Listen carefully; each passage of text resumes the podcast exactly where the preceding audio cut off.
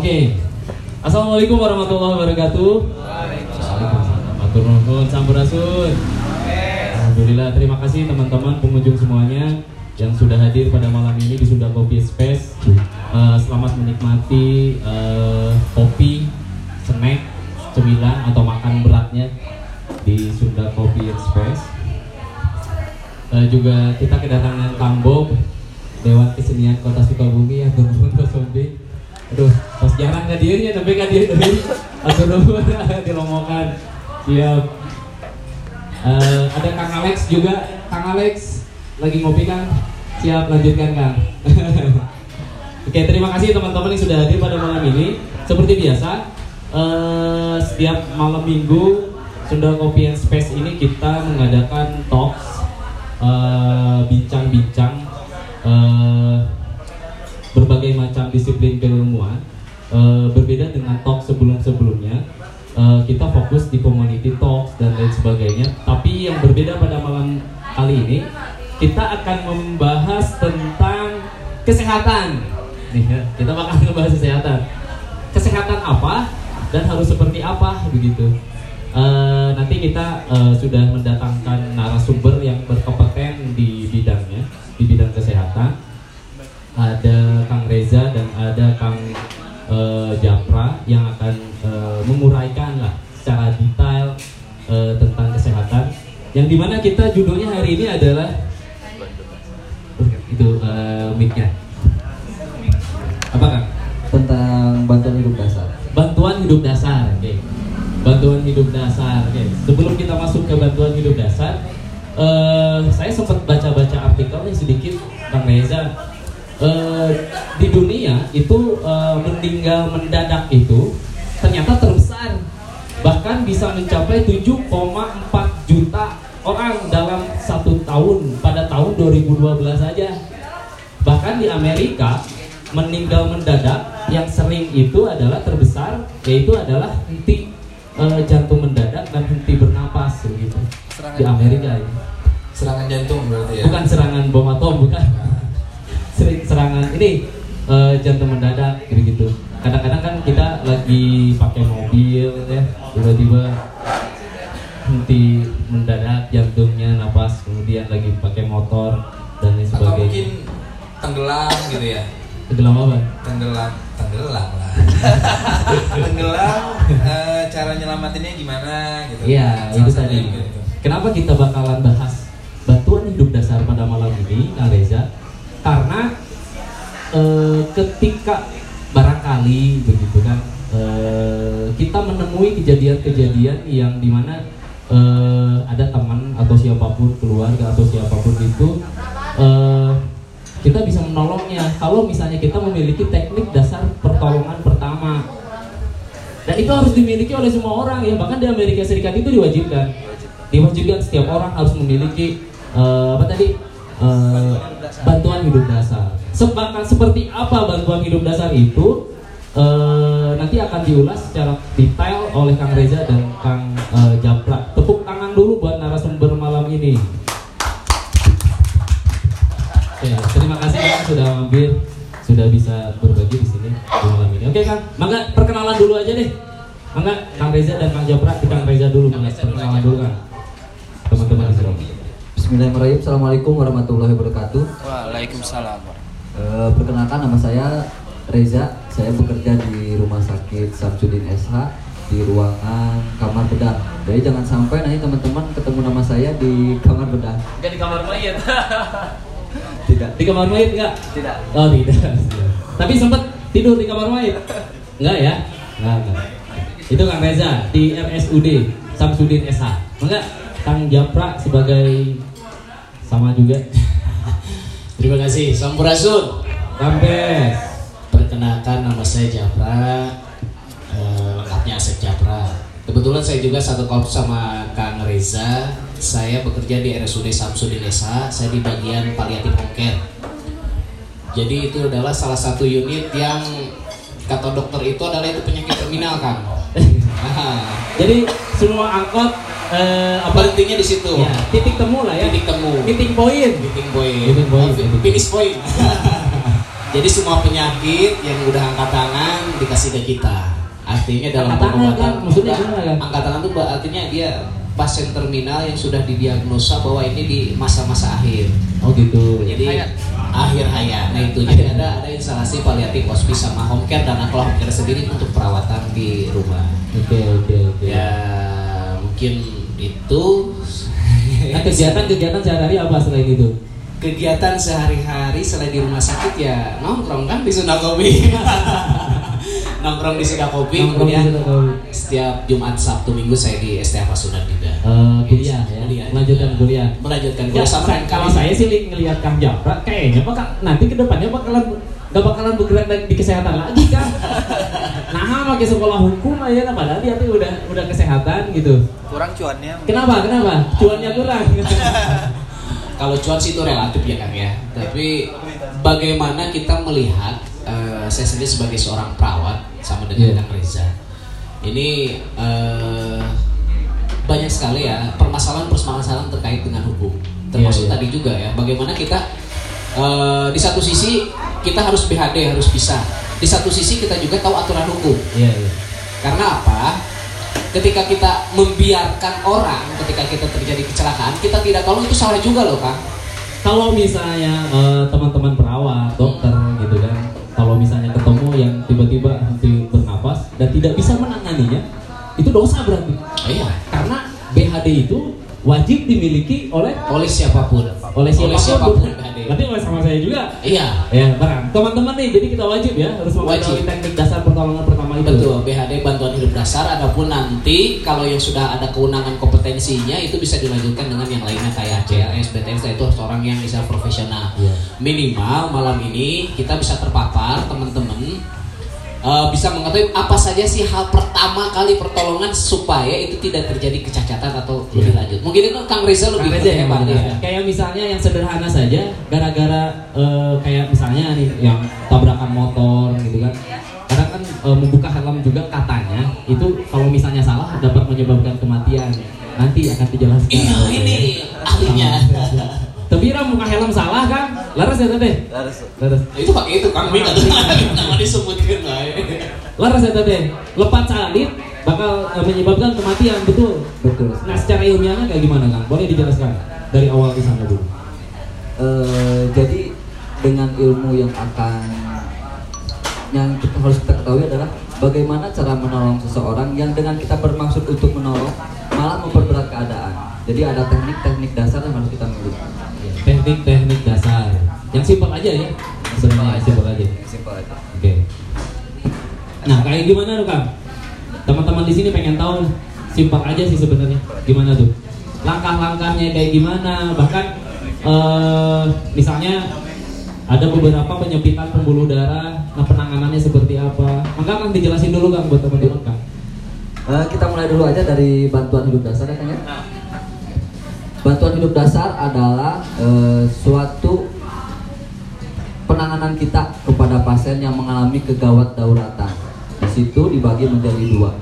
Intinya seseorang itu bisa mengalami kematian klinis dan kematian biologis. Perbedaannya simpel sekali sih. Klinis dan Klinis dan biologis. biologis. Nah, itu gimana tuh? Kalau kematian klinis itu eh, dia pasien hanya henti napas dan henti jantung. Kalau klinis, Kalau klinis, kalau biologis adalah henti napas dan henti jantung, tetapi sudah mengakibatkan kematian di batang otak. Kematian di batang otak. Jadi eh, di situ kita bermain nanti ada golden period namanya. Waktunya hanya 10 menit untuk satu Untuk pasien. menolong- untuk menolong seorang itu hanya 10 menit. Kayak drama Korea. Hanya cuma 10 10 menit itu gimana Kang caranya Kang? Iya, jadi sebagaimanapun keprofesionalan seseorang eh, petugas kesehatan apabila bantuan hidup dasar tidak kita berikan maka akan sia-sia. Jadi dibutuhkan sekali seseorang yang ada di rumah atau di lingkungan sekitar kita itu mengetahui tentang cara bagaimana menangani bantuan hidup dasar. hidup dasar. Iya. dengan dengan catatan kalau lebih dari 10 menit udah nggak nggak ketolong. Sudah tidak tertolong karena sudah terjadi kematian batang otak. Gitu kok. 10 menit. 10 menit. Jadi Ya, pertolongan ini harus di bawah 10 menit. Maksudnya 10 menit bisa nego nggak gitu maksudnya? nggak bisa. Oh, nggak bisa, tidak bisa, bisa. nego. Ya Allah 10 menit bisa gitu. Iya. Penanganannya itu harus seperti apa kira-kira? Jadi di golden period itu kita dibagi menjadi tiga. Jadi apabila kita satu menit eh, kita tidak melakukan penolongan bantuan hidup dasar pada pasien, maka 2% itu akan terjadi kegagalan, akan terjadi kematian apabila kita 5 menit gagal, itu 50% itu kegagalan bantuan hidup dasar. Apabila 8 sampai 10 menit itu sudah dipastikan sudah terjadi kematian batang otak. Jadi akan sia-sia apa yang kita, kita lakukan atau petugas kesehatan itu akan sia-sia. Percuma, percuma ya. Akibat kematian batang otak itu apa Kang? Akibatnya kalau kita ditolak. Kematian langsung.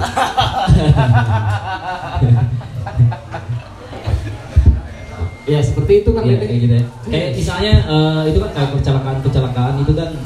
Nah untuk kita mengetahui eh, apa cara untuk melakukan penanganannya itu kan kita nggak tahu nih.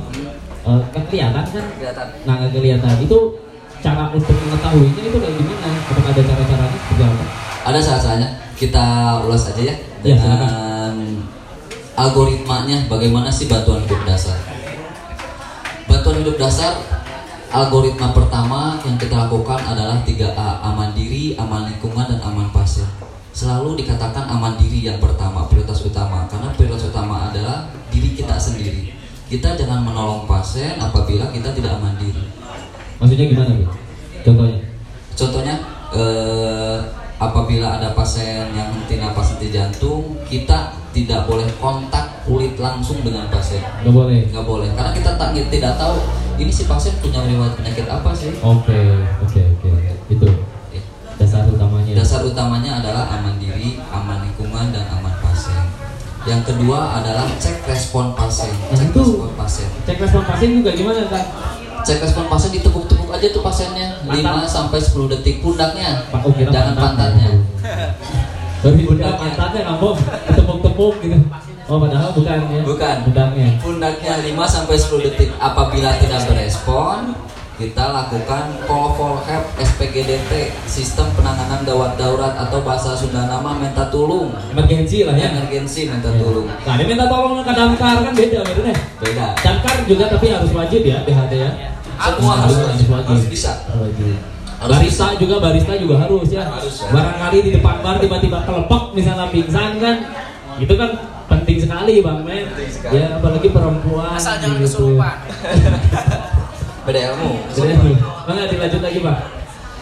Cara kita minta bantuannya sekarang nih di program Sukabumi itu oleh Pak Wali Kota ada program sigap Ada program ada sigap. program sigap bagaimana cara kita nelpon ke sigapnya nomor teleponnya tuh ada tuh 0800 1199 eh 119 Kosong. 0800 1000 Nah ini tadi 119 lu beli panjang-panjang deh. Nggak gampang Satu-satu gitu maksudnya. Oh, seribu iji salapan gampang oh gitu. Gampang ya. gampang Kalau mau dihafal Tapi kalau mau ke darurat gitu mah kan agak repot juga tuh. atau di aplikasi sekarang udah ada Nah, aplikasi ada. sigap tinggal pencet aja panik button nanti mereka datang ke daerah kita Oke, oke, oke. Eh, nah sekarang langkah-langkah nih, langkah-langkah kalau misalnya teman-teman di sini menemukan kejadian yang eh, yang pingsan. Ya. Tadi kan itu kan beda tadi kan yang pingsan, kemudian berhenti napas dan berhenti jantung itu kan beda-beda. Penanganan juga beda atau kayak gimana?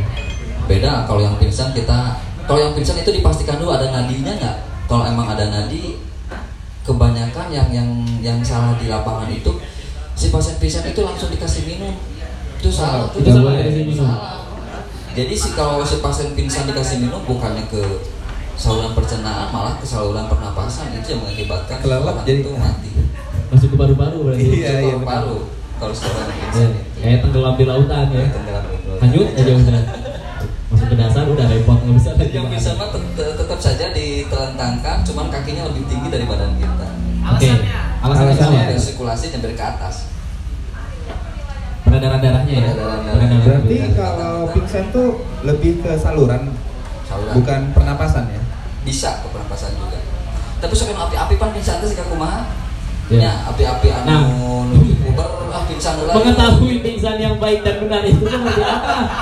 Iya kadang-kadang saya juga suka menemukan dulu saya kan di Gunung Sunda gitu Eh, yang naik jalan kaki pacaran gitu kan pacaran tiba-tiba gelepek-gelepek cina si Itu perempuan mungkin dia galau pak, bukan Ah, bukan gitu kan. pingsan kali. Baru mau kasih gotong kan anda, gitu kan. Padahal mah dia caper ke si pacarnya kayak gitu kan untuk mengetahuinya kayak gimana tuh pingsan yang baik itu kayak gimana Seorang pingsan yang paling gampang, paling simpel mengetahui seorang itu pingsan adalah buka aja matanya, cabak tak matanya lama main ngicep atau tetap pingsan. Iya, kalau nggak diketrokan gitu ya. Matanya aja colokin. Iya. Yang paling simpel. Respon itu Respon, bisa. respon mata berarti Respon ya. mata itu salah satu untuk mengetahui itu dia pingsan atau enggak. Kalau nggak digini-gini juga dia kan ngedip ya. Kalau yang kalau yang normal Bulu, mat, bulu matanya disentuh nih gini. Iya. Sentuh, sentuh. Respon. Nah ini nih, katanya contohnya nih. Ya boleh Ini- dicontohin ini lah, perawat boleh. juga, ini perawat juga. Oh iya bro, boleh dicontohin lah gimana? Coba mau pingsan nggak? Nggak bisa pingsan di depan gitu nanti. Oke, eh, kita ke praktik aja kan. Eh, mangga teman-teman pengen tahu pertolongan pertama yang langkah-langkah yang harus dilakukan itu kayak gimana nih kalau misalnya teman-teman menemukan kejadian yang tidak diinginkan. Oke. Ya. Eh, tadi belum beres sih Ya. cara meminta bantuannya ke sigap ada lima poin yang harus kita sebutkan. Nama kita, nomor telepon kita, lalu alamat korban, jumlah korban dan keadaan korban. Lima poin yang harus kita detail sebutkan ke sigap. Ya. Itu. Setelah itu dilakukan, maka cek nadi, cek nadinya yang di dekat leher tuh jangan yang di bawah. Kalau cek nadi yang di dekat leher adalah dia itu nadinya paling besar. Nadi yang kiri atau yang kanan? Sama saja. Sama ya, aja. Ada ya. Apa-apa kiri itu dan bukan kanan. aurat. Ada kiri dan kanan. Santai aja. Apabila tidak ada nadi, kita lakukan eh, penekanan pada dada pasien. Pada- 100 pada dada. sampai 120 kali per menit. Terus Di- aja tekan di aja dekat. si dadanya. 100 sampai 120 kali per menit. Jadi dua detik sekali. Eh, satu detik dua kali. Satu detik dua Satu kali. detik dua kali. Itu Nanti kita praktekkan. Oke oke nanti kita praktekkan ya. Agak awam soalnya nih. Aduh. Satu per 20 kumaha itu ada bingung gitu kan teman-teman di sini. Ya. Sambil dipraktekkan ya. Boleh kan jelasin lagi kan?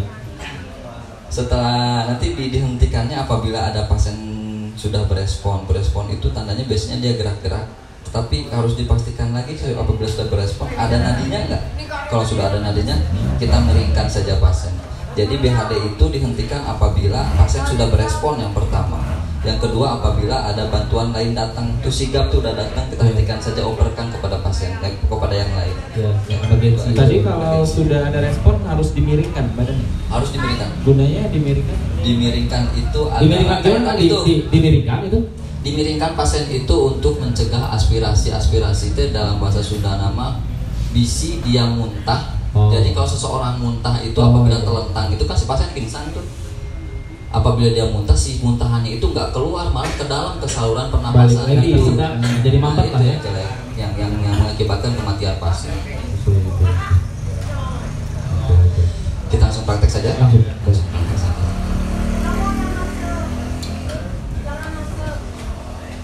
Sambil dijelaskan Pak. Ya. Langsung aja, saya di sini. Yang pertama tetap ya 3A aman diri, aman lingkungan, aman pasien. Aman diri, aman lingkungan, aman pasien. Di jalan apabila kita tidak ada eh, tadi intinya kita jangan kontak langsung dengan pasien skin to skin jangan. Apabila ada kantong kresek, pakai aja kantong kresek untuk menghalangi tangan kita ke kulit pasien. Jangan. Sekarang tidak Eh, untuk bantuan hidup dasar untuk orang awam tidak dianjurkan untuk memberikan napas bantuan pada pasien. Kecuali darurat kan, kalau darurat kumaha ada? kumaha pasien lamun geulis Oh, kalau badinya, mah panghareupna lah. Waduh jadi kadinya. eh. aya Eh, Contohnya ya, mampu aja yang jadi pasien mah. yang pertama tadi 3A ya aman diri aman lingkungan aman pasien yang ditakutkan itu apa penyakitnya adalah hepatitis di sini Iya. sering tuh cowok tuh, eh ayah nusok cukur rambut Cukur rambut. Cukur rambut sebelah mana? cukur rambut rambut iya rambut iya. Ya. ayah nu masih kosok di kerok di jambang Masih, masih kan saya Masih, ya. yakin eta pisaunya steril Oh iya benar. Iya benar. Yang ditakutkan adalah penyakit hepatitis dia mudah sekali untuk menular penyakit HIV itu susah untuk menular tetapi untuk hepatitis itu sangat gampang sekali menular Mudah. jadi saran dari saya apabila dicukur rambut mending ngerok di rumah Hmm. jangan di tempat Itu kan saran saya jangan dicukur gondrong aja.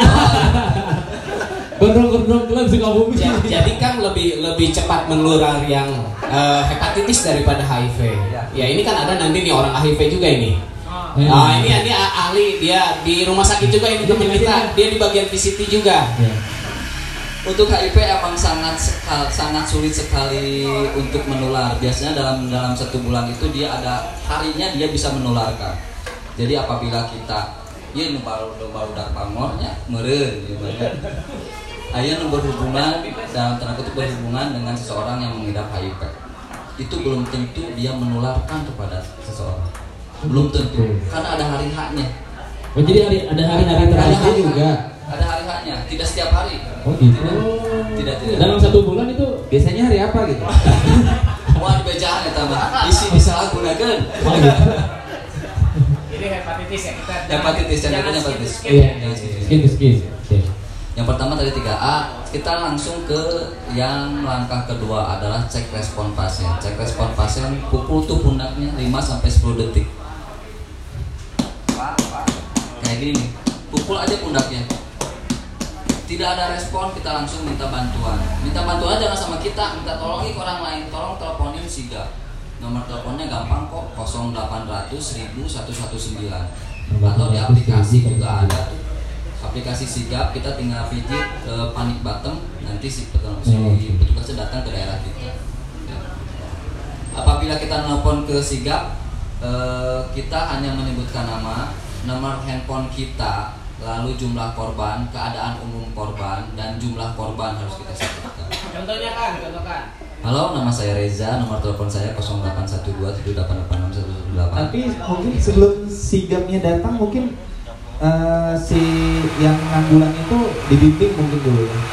Dibimbing dulu. Dibimbing. Dibimbing aja. Karena kan durasi durasinya tadi kan misalnya yang seotak tadi ya 10 menit. Hmm? Kalau nungguin sigapnya datang kan berarti ya udah lewat duluan gitu. Berarti emang harus dibimbing dulu. Makanya mungkin ini bang salah satu kita mengadakan sosialisasi seperti ini. Jadi salah satunya minimal bisa diajarkan juga kepada teman-teman bagaimana cara dia call for help kepada eh, 118 itu. Jadi Benar. mereka ketika melihat kecelakaan langsung, halo nama saya Japra, nomor telepon saya 08 sekian sekian. Di sini ada kejadian kecelakaan dengan jumlah korban tiga orang, kejadiannya dia fraktur atau apa gitu deh. Seperti itu ya kang ya. Ya. Setelah menelpon sigap, kita cek nadi, cek nadi dan cek pernapasan. Cek Cek dong. nadi ada di atasnya. Ayo dompet dicek tuh kak. Dompet. Cek nadi yang di atas di sini nih, di leher mau kanan mau mau kiri itu pasti ada nadi. Namun Benar, bukan jakun ya. Deket jakun, di sini Oh, pasti benar. ada, pasti ada. Cek nadi. Misalnya kayak gini. Bisa dicoba masing-masing. Di sini ada kerasa nadinya loh. Cek nadinya di sini, ambil aja tiga jari kita dari tengah dikit ke pinggir apa langsung eh, si telinga kita tempelkan dekat hidung dan telinga pasien. Selama 5 sampai 10 detik apabila tidak ada nadi kita lakukan langsung kompresi atau penekanan dada. Kompresi. Kom- Tangan kita tangan kita disilangkan, tangan yang paling dominan di bawah. Tangan kita disilangkan, tangan yang paling dominan di bawah. Arti dominan itu tangan yang paling Paling kuat. kuat. Kalau misalnya kuatnya biasa tangan kidal berarti Tidak di bawah. Ya. Kalau pada cowok daerah penekanannya lebih gampang. Puting sama puting diambil, garis tengahnya di mana? Oh Kalau pada gitu. cowok. Kalau pada cewek Apa sih, Bang? eh, apa yang namanya ini ya? Ini namanya penyambung ulu hati ya, penyambungan Oh di bawah, di bawah dikit. Di bawahnya nih. Iya iya iya iya, benar. Kalau kalau cowok, kalau cowok. Kalau cowok ini gampang. Ya, itu, tak, tarik garis lurus Kalau ya. pada cewek diambil garis lurus ini, pertengahan ini, ambil tiga jari di atasnya. Ulu hati berarti. Di ulu hatinya. Iya. Di gimana itu? Kita kan na- nama kerennya prosesus kipoidius. Iya. Nah, apalan tuh. Kita langsung lakukan penekanannya ya. Oke, siap. Posisi kita kaki agak terbuka, lalu tangan kita disilangkan. Langsung tekan gini aja. Kecepatannya 100 sampai 120 kali per menit terus. Tidak boleh ada eh, Jeda. interupsi. Interupsi mengerti Pak Japrat? Ya. Coba panggil saya. Kang Japra, eh Kang Koy, jadi Kareza. Nah, itu itu nggak boleh ya. Oh, kalau nggak gitu boleh. boleh. Jadi lamun air ngajakan ngobrol terus we tong di kuping ge. Fokus sama namanya. Fokus. Sampai finish beres lah. sampai ada respon atau sampai ada bantuan lain datang. Terus gini. Contoh salah satu ada respon dia Apabila dia gerak-gerak gerak-gerak gerak kepala atau gerak-gerak tangan, cek lagi nadinya. Cek lagi nadinya. Sambil tadi telinga kita ada di antara hidung dan mulut korban. telinga di antara hidung dan mulut, kemudian mata kita melihat pergerakan dada. Itu kalau bahasa kita dengar lagu Celine Seven, look, listen, and feel. Yeah. gitu kan Kang, ya? Ya bos, ya. Apabila tadi udah berespon tetapi ternyata kita sudah cek nadinya nggak ada, balikan lagi. Terus tetapi dia apabila ada nadi dan napas, miringkan korban. Ke mana miringkannya? Ke daerah kita, si penolong ada di mana. Oh. Jadi penolong itu tidak ada di kiri atau di kanan ke mana saja miringnya Mau ke kanan, ke kiri, tapi ke daerah kita Cara memiringkannya Tangan yang paling dekat dengan kita dikeataskan Saya aja Kang biar jelas kalau kan nggak ada tangannya ya orang kasih sikir. Kok malah udah pernah dengar lima tahun. Jadi jadi submipornya. Totalitas tanpa batas ini mah bener. Sok lah, nanti saya promosikan nanti di mulut ya. Secepatnya. Ini cara memiringkan ya. ya tangan yang paling de- terdekat dengan kita dikeataskan tangan terjauh korban di ke telinga korban Tangan paling jauh ke telinga, kakinya kakinya ditetuk. satu cara ngangkatnya di satu di pundak satu di kaki Oh gitu. Aspirasi apabila dia pingsan jadi si mentahnya bisa keluar. Lu nggak ketelan lagi ya? Ketelan lagi. Sampai kapan ini dimiringkan yang pertama sampai ada bantuan datang. Apabila bantuan ada datang datang si pasien diterentakan kembali. Selama dua menit sekali ya. Dua menit sekali si pasien diterentakan kembali. Posisikan seperti semula. Dicek lagi nadi dan napasnya dicek lagi dan napasnya Dicek lagi. Apabila ada napasnya, ada nadi dan napasnya, miringkan kembali. Tetapi apabila tidak ada nadi dan napasnya, lakukan lagi penekanan di jantung, eh, di dada si korban. Segitu. Oh, Gitu doang ya. sambil menunggu Sambil datang. menunggu sigap datang. Oke, oke, oke, oke. Tepuk tangan dulu. Sederhana ya. Sederhana sekali. Sederhana tapi bisa eh, menolong apa si korban Menolong yang korban. mengalami kejadian kecelakaan. Begitu. Tadi ada pertanyaan Kang, gimana kalau ada pakai helm? Oh iya, gimana kalau helm? Karena saya sempat dengar nih, buka helm aja katanya itu eh, bisa mempengaruhi bisa mempengaruhi dapat menyebabkan kematian buat si korban. Gitu. Ya. Kalau salah buka helm aja kecelakaan, itu kayak gimana? Eh, yang ditakutkan pada seseorang yang kecelakaan itu adalah terjadi fraktur servikal atau fraktur atau patah tulang di tulang belakang. Belakang Jadi ini. jangan sampai kita menggerakkan leher korban. Leher korban. Cirinya seseorang mengalami fraktur servikal atau patah di tulang belakang adalah seseorang itu tidak sadarkan diri yang pertama. Yang pertama tidak sadarkan diri. Yang kedua ada jejas atau ada tanda-tanda kebiruan di antara klavikula atau tulang yang dekat dada kita di sini nih. Iya. Di sini sampai ke belakang kepala kita itu ada tanda-tanda kebiruan. Itu adalah fraktur servikal. Eh, Leher, tulang eh, leher. ya tulang leher ini. Jadi yang pertama tadi apa? Eh, si pasiennya tidak sadar. Iya. Yang keduanya ada jejas atau tanda kebiruan di antara klavikula eh, antara tulang di atas dada ini sampai ke tulang belakang. Lalu dia ada multi trauma atau ada patah tulang di lebih dari dua regio atau dua tempat. Itu di kita kategorikan faktor servikal walaupun si patahan tulangnya tidak di daerah servikal dia apabila tulangnya misalnya yang patahnya di kaki itu nyambung ya. Tapi apabila lebih dari dua itu dikategorikan orang itu dicurigai faktor servikal yang keempat adalah biomekaniknya mendukung. Biomekanik itu adalah kejadiannya bagaimana? Kejadiannya kayak kejadian. Dia misalnya jatuh langsung ketabrak deui ku motor Ya Allah. ngeguliling ke jurang nah itu adalah biomekaniknya bagaimana? Jadi bedakan biomekanik yang jatuh di sepeda udah itu tidak dikategorikan patuh servikal. Tapi kalau biomekaniknya kayak jatuh sepeda langsung ke jurang, ketabrak di motor, nah itu yang mendukung biomekaniknya. Jadi seorang dikategorikan dicurigai faktur servikal adalah yang tadi yang empat itu ya kan Jafra ya. Iya.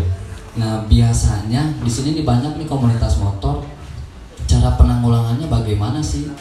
Dalam hal kecil membuka helm saja bisa membuat seseorang yang tadinya dia masih hidup menjadi meninggal. Iya, Itu kan Karena salah penanganan biasanya sih dia menggerakkan si leher korban. Jadi bagaimana caranya kita membuka helm korban tanpa menggerakkan leher? Surat. Tidak bisa satu orang, harus dua orang. Gimana Harus dua orang. Bingung kita praktekkan saja. Oke, kita praktek helm, helm, helm. Itu ada yang deket kan? Oh iya ini Ya, helm. itu yang yang saya aja, yang saya aja.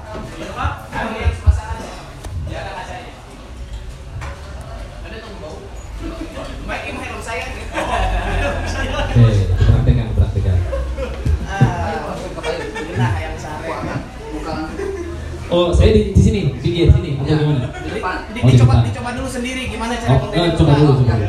Dicoba. Buka di mana? Buka dulu. Kalau saya, Iya. kalau saya ya kayak gini lah apa namanya.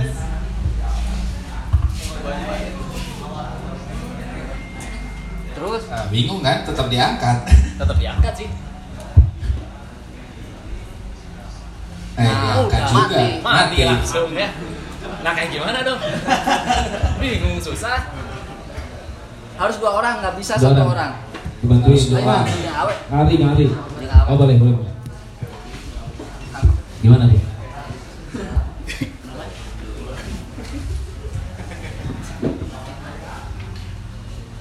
Akang yang pertama itu membuka talinya. Yang kedua, tangan akang dua-duanya masuk ke dalam. Gini, masuk ke dalam. Oh, begini. Hmm. Ke dalam helm. Dalam helm. Ini hepatitis nggak saya? Angkat di tidak A dulu dong.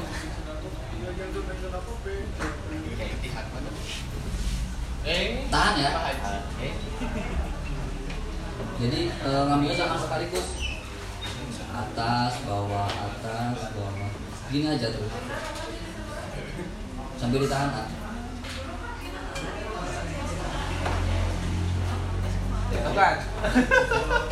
Sudah. Jadi kayak gitu. Jadi tidak bisa satu orang. Jadi harus dua orang ya. Dua orang. Yang satu orang membantu melepaskan tali dan tangannya eh, ke kiri dan di kanan. Kemudian yang satu atas bawah atas bawah. Intinya bagaimana caranya si tulangnya jangan sampai bergerak Ada yang nahan kepalanya. Kepala. ke apa ke atas ataupun ke kiri dan kanan itu. Tidak boleh.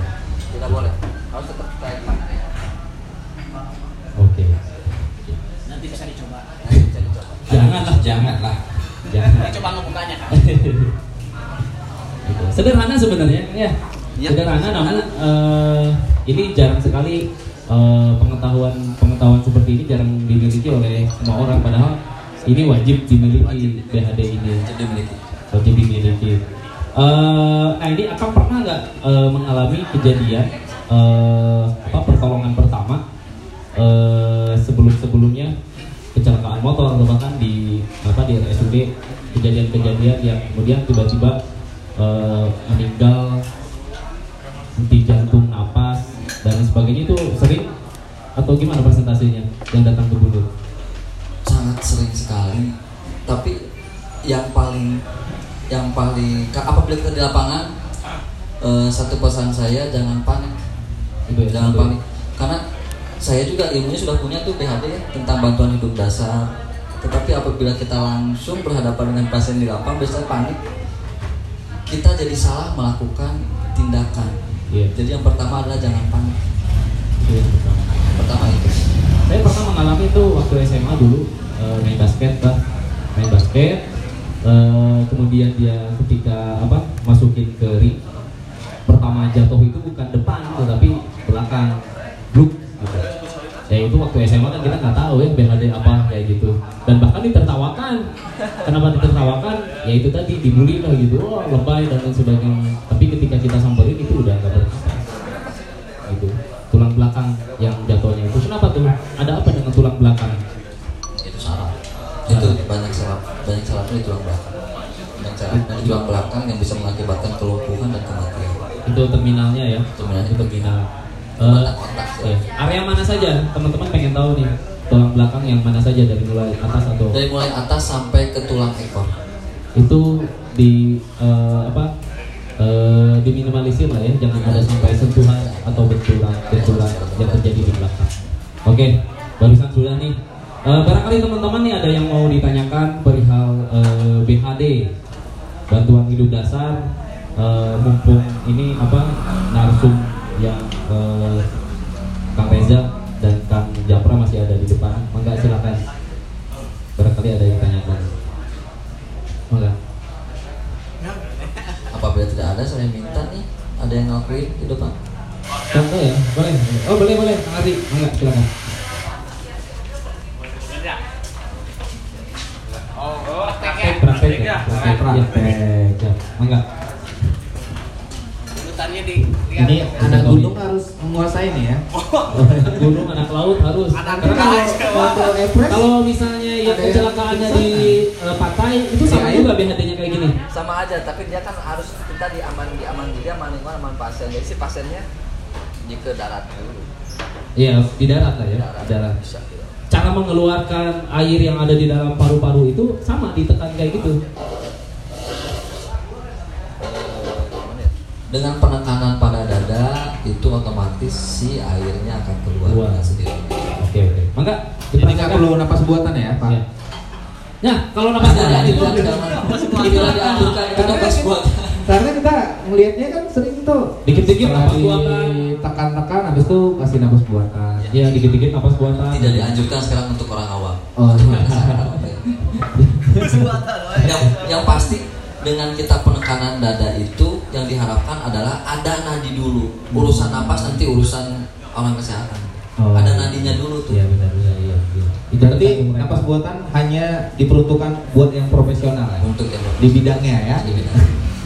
Oke oke. Maka praktekkan Silakan, Kang Ardi. Silakan. Kan. Yang pertama skin to skin, skin to skin. Eh, Itu yang cek tadi ini. enggak Oh, Bukan. bukan. yang mana tadi yang harus pakai kresek? Iya. apa namanya tiga a dulu Tiga A. Tiga out aman diri, Aman diri, aman, aman, pas- lingkungan, aman lingkungan dan aman pasien. aman Ya. pasien. Oke. Terus, Cari kresek dulu berarti. hmm. Nah, kalau pakai kresek berarti apa? Apa? Pakai kresek dulu kan. Setelah itu, setelah itu ke mana nih? Cek responnya cek nadi. Nadi, cek cek, na- cek respon dulu Cek respon. Oh ini. Ini ya. ya Oh iya, cek respon. Nih, ya Ya. Nggak ada pundak respon. lutut kaki, pundak lutut kaki. sekitar 5 sampai 10 detik ya. detik Detik ya. Gitu, setelah itu setelah itu apa ke dada. minta tolong ke mana Oh. Oh, ya, tadi. Sigap, sigap. Sigap. Nah, nomornya Ya. ingat nggak?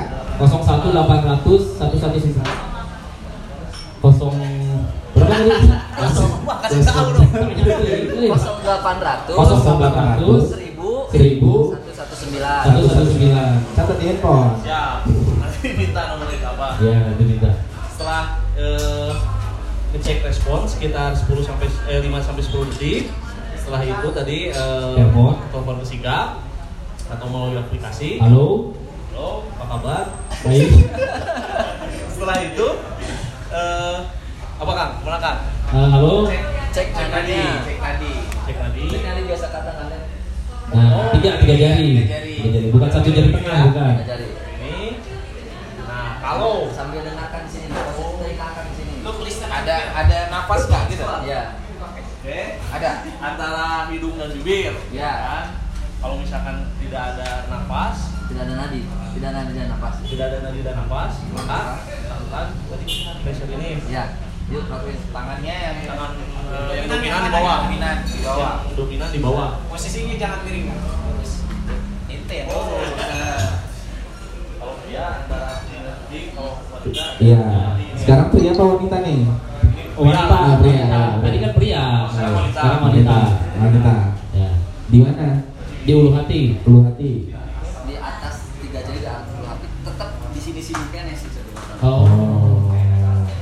tiga jari di atas bulu kaki. Perbedaannya nanti lah. Gitu kita kita Kepencet juga dong. Nama ada lanjut. Kurang belakang. Nah. Belakang tuh ke depan, agak ke depan. Enggak boleh bengkok. Jadi ini harus garis lurus. Oh, tangannya harus oh, antara tangan sama dada itu harus ya. garis lurus ya. Kekuatan tenaga misalnya. Yang instruksi. ya. Temponya ada tempo tertentu. Nanti kalau ada WA juga ada yang diangkat. Dua detik sekali. Yang diangkat yang berhenti. Oh, temponya dua detik sekali. Kurang cepat. Dua detik sekali. Oh, ketukannya mau tinggal. Sedetik dua kali. Hah, sedetik dua kali apa? Gimana yang benar? Yang benar yang mana nih? Sedetik dua kali. Sedetik dua kali. Tak tak tak tak tak gitu menurutnya. Iya. Cepetan. Nah, gini. Kedalaman leketnya berapa? Kedalamannya 5 sampai 6 cm. Kedalamannya 5 sampai 6 cm. Kurang dalam. Nah, kayak gitu. Lakuin terus kayak gini. Iya. Sampai ada sampai ada apa? Respon, respon. Sampai ada respon. Ada ada respon. Sampai ada respon atau penolong lain datang. Iya. Oke. Kalau nggak ada respon terus gini. Terus. Kebas juga. Lumayan tebas ya. Oke, setelah Ada respon. Ada Ada respon. respon. yang dari respon ini berarti atau karena gerak atau dia Ada yang bergerak di Oh. Di anggota tubuhnya. Itu pastikan lagi ada nadi atau Pastikan lagi ada nadi atau tidak. Misalnya ada, misalnya nggak ada berarti lanjut lagi. Kalau nggak ada, kalau nggak ada, wih. Lanjut. Ah, Ceritanya tidak lagi. ada. Lanjut. Ya. Enggak, ini ceritanya. Ceritanya tidak ada. Berarti harus dilanjut. Ah, ada, ada respon. Ada. Sambil gimana kan? Eh, jedanya? eh, Nggak boleh jeda. Kalau sampai selama nggak ada respon terus ya berarti nya? Iya, sampai sigap datang. Kalau nggak datang ya terus aja. Dilanjut aja. Iya. Kalau tadi dari perekanan yang pertama nih eh, ngecek nadi itu jedanya berapa lama? Oh, nah, berarti Nah, dicek lagi berarti ya. Iya. Nah, tidak ada, lanjut lagi. Tapi pengecekannya misalnya ada ada respon. Ada respon. Kita ngeceknya tuh misalnya nggak ada udah kan berapa berapa tadi? 130 berapa tadi? 100 sampai 20 kali. 120 kali sampai 130 kali. Misalnya kita mau ngecek nih, udah ada respon, tapi dicek nadi nggak ada. Durasi ngecek nadi untuk balik lagi cuma 10 detik. Nah ini udah ada, udah ada. udah ada. Udah ada. Lanjut. kalau sudah ada, Emergency nggak datang datang, kayak gimana? udah ada. Kalau yang sigap itu nggak datang datang nih, lama misalnya sudah ada, di cepat macet di Cicurug misalnya. Kalau sudah ada respon, dimiringkan. Ya. Iya, tadi. Tangan paling dekat di belakang. Ya, sok di. Sekarang kali ke depan. Sok. Tadi Iya. nggak apa-apa. Biar biar tahu caranya. Kadang orang itu susah kayak memiringkan aja, tapi ketika Oh, kita tahu teknik, ketika kita tahu teknik yang tadi tuh Hmm. ringan sekali.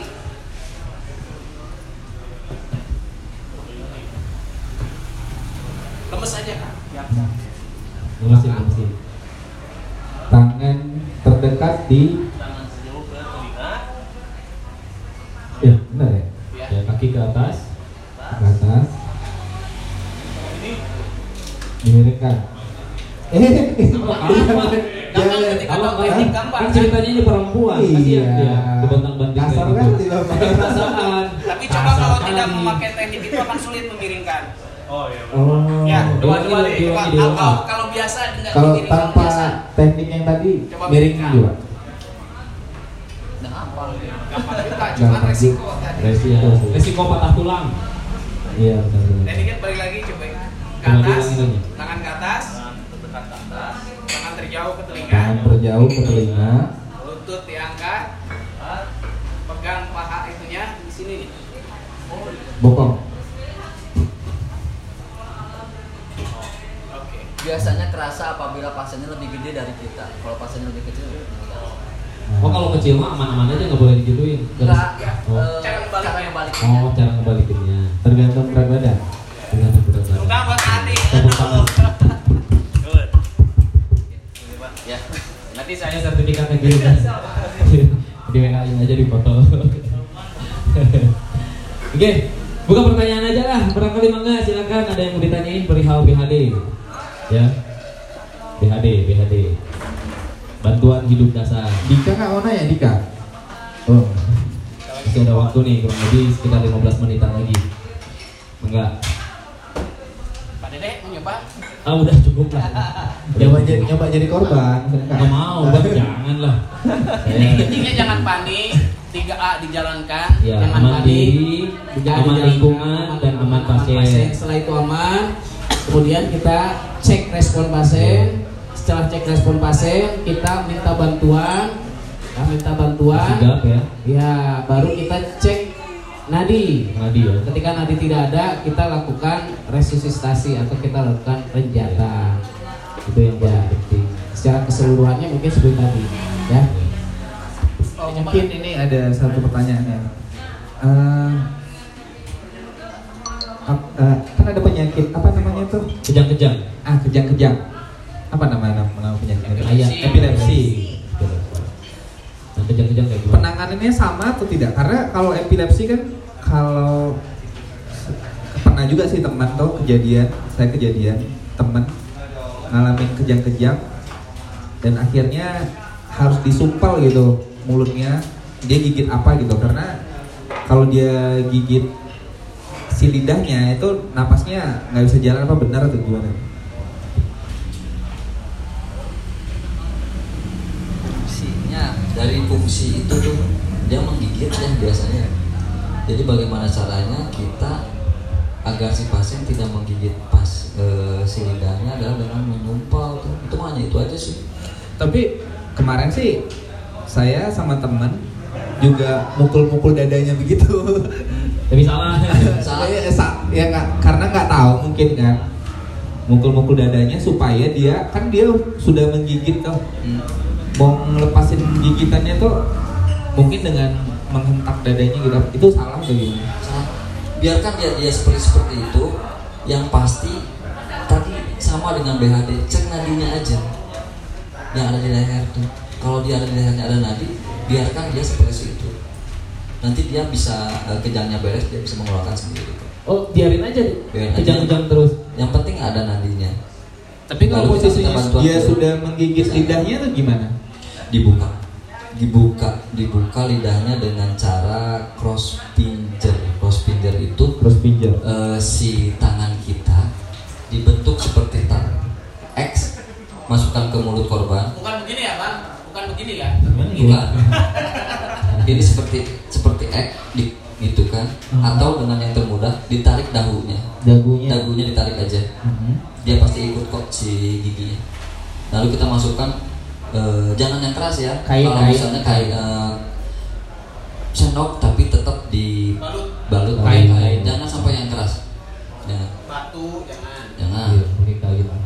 kursi jangan Iya, takutnya kalau sendok kemakan jadi X-Men gua lagi ya. Iya. Mau beli banyak. Oh, lumping. gitu. Berarti kalau ditekan itu salah ya dadanya. Kalau bagi penyakit epilepsi ya.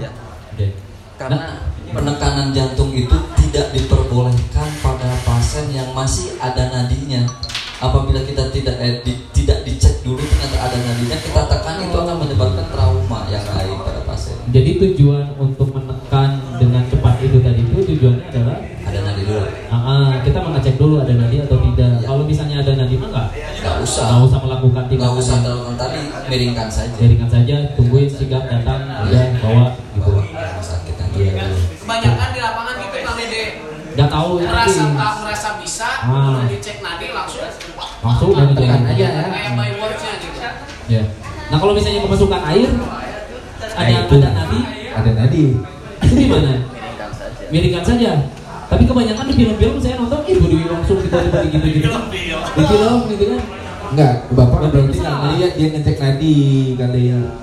Iya, Atau sutradaranya lupa kali ya, harus ada step itu. Iya, berarti film juga harus benar dia harus punya pengetahuan BHD ini penting. Nah, eh, pertanyaan yang berikutnya nih, kalau yang hipotermia di gunung itu kayak gimana? hipotermi Ah. Asep Japra tuh yang sering ke gunung bagaimana gimana tuh, Kang Japra? ingin tahu nih orang yang- yang sering ke gunung gimana Eh, ini sering ke gunung. Oh iya, Nah, Bapak. aduh. Inilah Bapak Arti yang tahu. Itu simpel sih Ya, sebenarnya. jadi jadi ada ada ada viral kemarin harus gimana gimana skip, skip. salah. Ya, Skip, skip, skip. Skip. Ya boleh dijelaskan Pak, Ya. Pak. Silahkan. Silakan oleh Pak Asep. Skin to skin bahaya. Nanti. Pak Asep. Ini pe- pengetahuan dasar kayak gini kan penting sekali mencoba. Eh, apakah edukasi ini sudah Topik sudah Di- masuk ke program sekolah atau belum? BHD. Eh, sekolah SMA atau SMP gitu. Itu kan sebenarnya penting juga sih. tahun kema tahun kemarin ya tahun kemarin tuh pas pemilihan wali kota sudah masuk ke tingkat SMP Iya, kemarin saya masuk di SMP 14 ke ke apa Pak Asep Japra kalau nggak salah betul. sudah mulai masuk jadi semua eh, tenaga pendidikan tenaga guru-gurunya itu harus bisa nah sekarang yang, yang diharapkan oleh wali kota itu adalah semua warga bisa melakukan BHD dengan baik dan benar Iya, iya. Betul, betul. Penting sekali soalnya. penting sekali karena dengan bagaimanapun hebatnya tenaga kesehatan apabila kita tidak melakukan bantuan hidup dasar itu akan sia-sia Pertolongan pertamanya. pertolongan pertamanya bagaimana Indikatornya itu. indikatornya itu ya. Kalau misalnya pertolongan pertamanya katakanlah gagal, gagal ya udah sia-sia dan sia di bawah. Dan itu sering terjadi kan. Tiba-tiba kan nggak melakukan tindakan pertama dulu, langsung dimasukin ke mobil, dibawa misalnya ke bunut atau dibawa ke ABT Medika, Di bawah karung. dibawa karung. Iya mungkin ya. Iya. Sebenarnya mungkin panik sih ya. Iya, Panik. panik. sih. Ngilangin paniknya yang susah sebenarnya. Oke. Hipotermia dijawab dulu. Kang Oke. Oh ya, ini aja. Jadi eh, menyimpulkan yang tadi sedikit, tetap sehebat apa pun tadi orang medis, sehebat apa pun tadi misalnya perawat atau sehebat apa pun orang kesehatan, tenaga kesehatan, Iya, iya. golden periodnya itu yang penting. Iya. Jadi tetap tadi kita jangan panik, tetap itu harus dilakukan. Terkait hipotermi di gunung, eh, terkait hipotermi di gunung kan sudah viral, ada yang viral itu bagaimana kita ada yang ya kemarin lah viral teman-teman tahu. Ajas manfaat kali ini Ah, enggak. itu asas manfaat kayak main hukum aja sebenarnya. itu sebenarnya intinya yang namanya ketika di gunung itu ada ada hipotermi itu karena kan tadi suhu tubuh itu kan menurun. Apalagi sekarang dengan cuaca ekstrim, makanya contoh salah satunya ke Gunung Gede Pangrango itu ada ada masa-masa penutupan eh, wilayah area untuk pendakian. Di satu sisi untuk eh, rehabilitasi ekosistem, kemudian juga ada eh, pertimbangannya masa kawinnya Ah, eh, iya, hewan atau sebenarnya sehingga dilarang. Nah, apabila terjadi hipotermi di gunung, yang pertama tetap bagaimana kita cara menghangatkan, tapi dalam tanda kutip menghangatkannya bukan menghangatkan yang viral seperti itu. Itu kulit tidak kulit ya.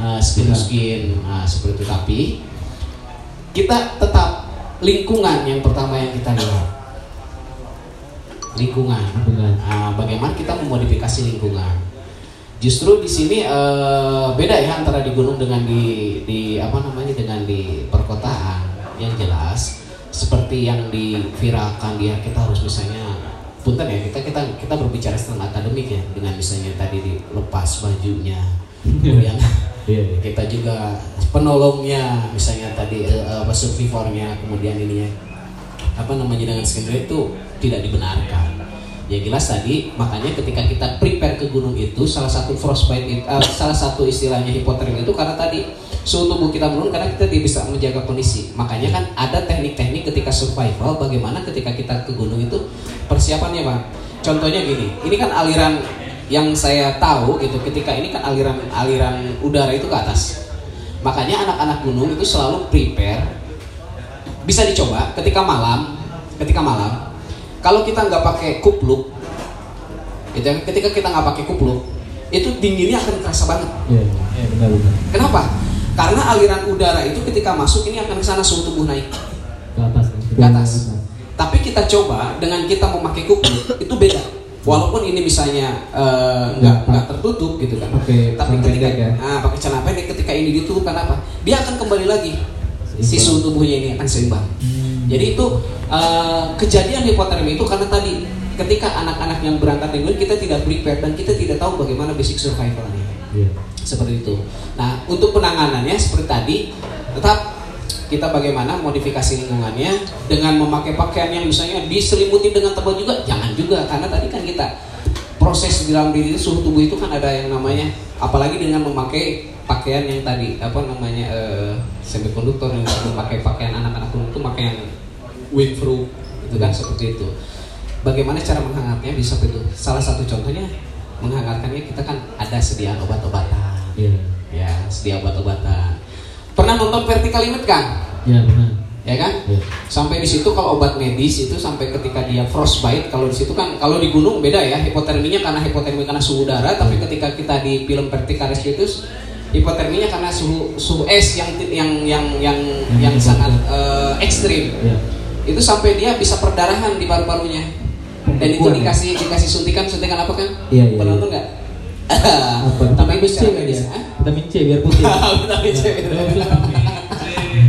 itu biasa suntikan jenisnya Dexa ya Kang ya dikasih Dexa dikasih Dexa untuk ini tapi itu nggak nggak nggak di eh, harus dengan orang yang kompeten intinya kita harus istilahnya memakai pakaian yang safety menghangatkannya tadi tidak serta merta menghangatkan skin to skin atau dengan apa tapi kita itu kan juga- itu kan pencegahannya. Misalnya sudah terjadi nih sudah terjadi. Gimana cara menanganinya gitu? Cara menanganinya seperti tadi kita pindahkan tetap eh, yang hipotermia pun kita tetap cek respon. Sama ini ini eh, eh, golden period harus kita tetapkan. Ketika dia ketahuan hipotermia dia otomatis kan pingsan. Ya kan pingsan orang hipotermi eh, tanda-tandanya dia udah udah pucat udah ini dan itu tiba-tiba dia bisa jadi pingsan. Ketika dia belum pingsan itu enak. Kita bisa bisa enak bawa ya dia. belum pingsan enak? Belum bisa enak. Kita bisa bawa misalnya ke tenda atau Oh, tapi iya. ketika tiba-tiba yang kejadian sampai meninggal itu yang meninggal itu. Eh, wah ini udah ke mana nih? Ya ketika yang sudah pingsan ini ya itu tadi. Jadi ada masa-masa ada masa-masa ketika dia langsung tiba-tiba jatuh pingsan dia hipotermi kanker hipotermi. Nah itu tetap kita golden periode kita gunakan. Kita cek respon kita minta bantuan. Dan tadi bisa kita modifikasi seperti pingsan ke tempat yang lebih aman. Tadi maksud dari aman lingkungan sendiri ya seperti tadi. Aman diri aman pasien aman lingkungan. Contohnya ketika lingkungan tidak mendukung Soalnya tabrakan pengaruh penanganan di tengah jalan. ya itu kita Kita di- celaka di- di juga. kan, lalu. jangan jangan kita mau menolong orang menyelamatkan korban justru Iya. kita menambah korban. Iya. kayak tadi hipotermi kita amankan dulu. Setelah kita cek responnya bagus ininya bagus kemudian tidak ada fraktur atau apa kita pindahkan.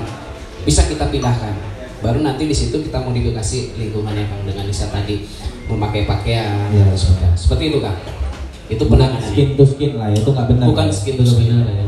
Ya paling eh, gosok-gosoknya pakai kayu putih alasan pakai kayu putih. Pakai balsam kali oke geliga panas juga tuh pak panas tapi malah dingin bang nanti ya, nah itu juga itu. ada ada Apa? ada positif negatif juga katanya. Ada dong. Ada yang tidak memperbolehkan, ada yang memperbolehkan. Itu bagi liga itu kayak gimana ini? geliga Iya, karena kan itu tadi apa? Balang dingin akhirnya ya nanti menyebabkan Iya, iya diminimalkan sih tidak memakai seperti itu karena tadi ada efek samping tetap ada.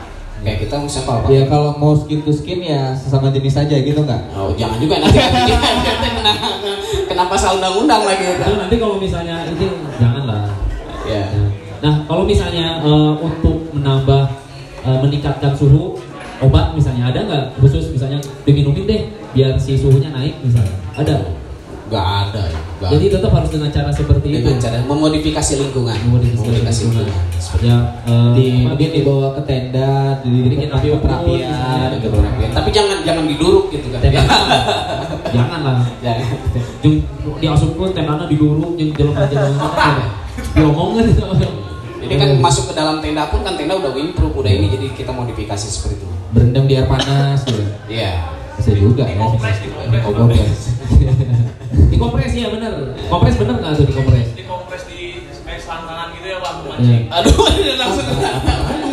iya di sini ini ini bukan selangkangan kan? selangkangan ya Eh, mau nanya ini Iya silakan. Eh, kan kalau misalkan melanjutkan yang tadi apa Iya. hipotermia eh, berarti kalau nadinya masih ada eh, kita pertolongan hipotermia lah ya Iya.